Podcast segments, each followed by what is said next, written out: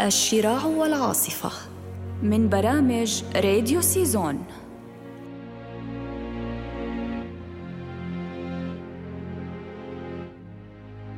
يرتكز بناء الرواية ونسيجها على حدث واحد غير معقد ويتمثل في حياة صياد أسماك عجوز من كوبا يدعى سانتياغو.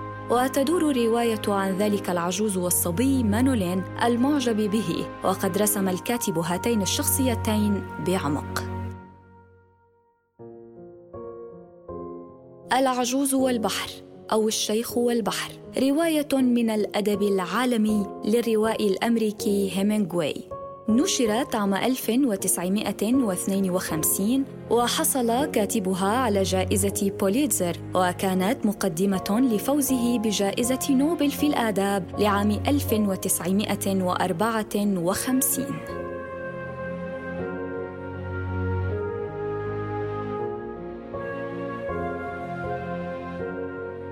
الصياد العجوز سانتياغو. لم يظفر بأي سمكة طوال 84 يوماً وقد راوده الأمل في ذلك اليوم بأن الحظ سيعود ويطرق بابه ثانية.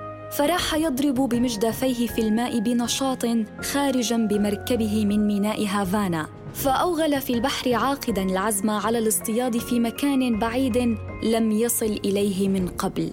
وفيما وراء المنطقة التي اعتاد غيره من الصيادين كسب رزقهم فيها. إنه ينشد اصطياد سمكة ضخمة. وإذا تحقق ذلك فلن يدر عليه ربحا وفيرا فحسب بل سيعيد إليه أيضا كبرياءه كرجل.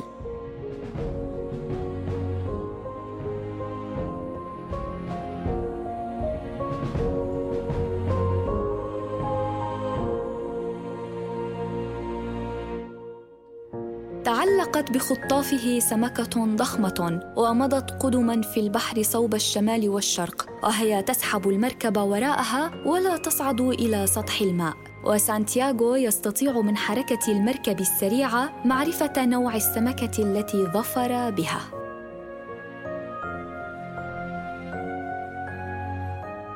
يمضي يومان. تصعد السمكة بعدهما إلى سطح الماء وتقفز خارجه في محاولة للتخلص من الخطاف وإلقائه بعيدا عن فمها. وفي اليوم الثالث يدرك السمكة التعب فتشرع في تدوير المركب بحركة دائرية. ويتمكن سانتياغو من جذب السمكة إلى أن تصبح قريبة جدا من المركب. وأخيرا حين تصبح في محاذاة المركب يطعنها العجوز برمحه ويقتلها.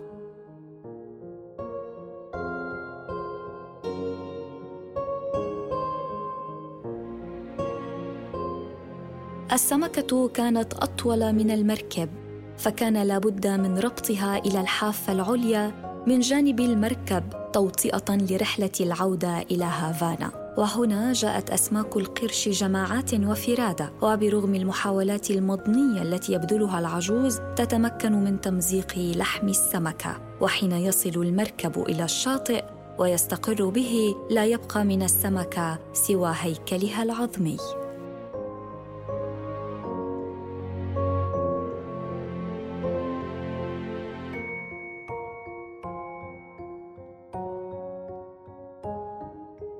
يخلع العجوز عمود الشراع من مكانه ويطوي حوله الشراع ويربطه ثم يحمله على كتفه ويمضي إلى كوخه وهو يتمايل ويترنح وهناك يتمدد فوق فراشه وينام.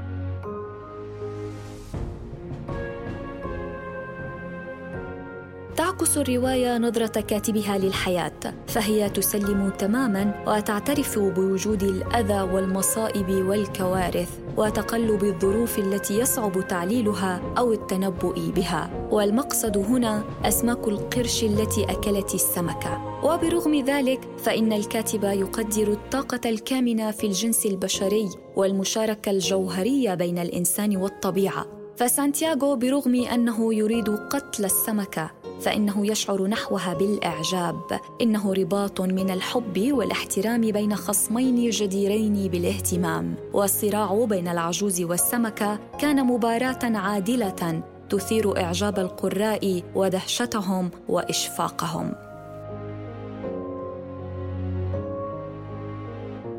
ولكن عندما تهاجم القروش السمكة يتدخل هنا عامل آثم شرير مما يوجب اعتذار العجوز قائلاً: لقد ساء كل شيء. وربما كان القرش من بعض الأوجه مثل الصياد فالشر لا يمكن وحده أن يعلل أحباط وخيبة الإنسان أما الغلام مانولين فهو صبي منعه والده من الإبحار مع الصياد العجوز خشية أن ينتقل سوء حظ الرجل العجوز إليه. وفي نهاية الرواية يعزم الصبي على الانضمام ثانية إلى معلمه الناصح المخلص ويقول له الغلام يجب أن تسترد عافيتك سريعا فهناك الكثير الذي أستطيع أن أتعلمه. هذا الغلام الذي أحضر الطعام والدواء إلى سانتياغو لم يفقد إيمانه بمكانة الصياد العجوز ومنزلته الرفيعة كصياد وبطل. ويمكننا أن نمضي إلى أبعد من ذلك في فهم رمزية الصبي في الرواية.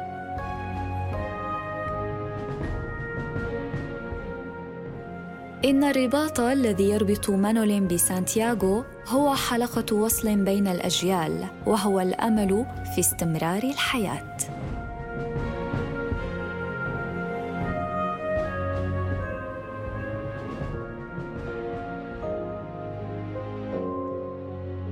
وفي اقتباس من هذه الرواية بكت أم حسن كما لم تبكي من قبل هي تعرف أن الطروسي ينفر من الدموع حين تكون وسيلة للإقناع وتعلم أن ظرفها سيزيد في توكيد ضعفها وتعزيز قوته.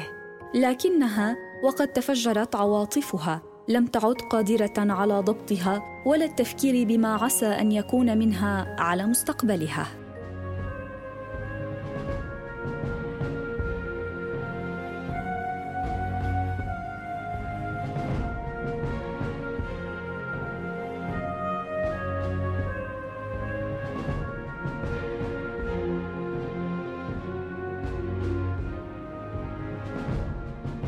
الشراع والعاصفة من برامج راديو سيزون.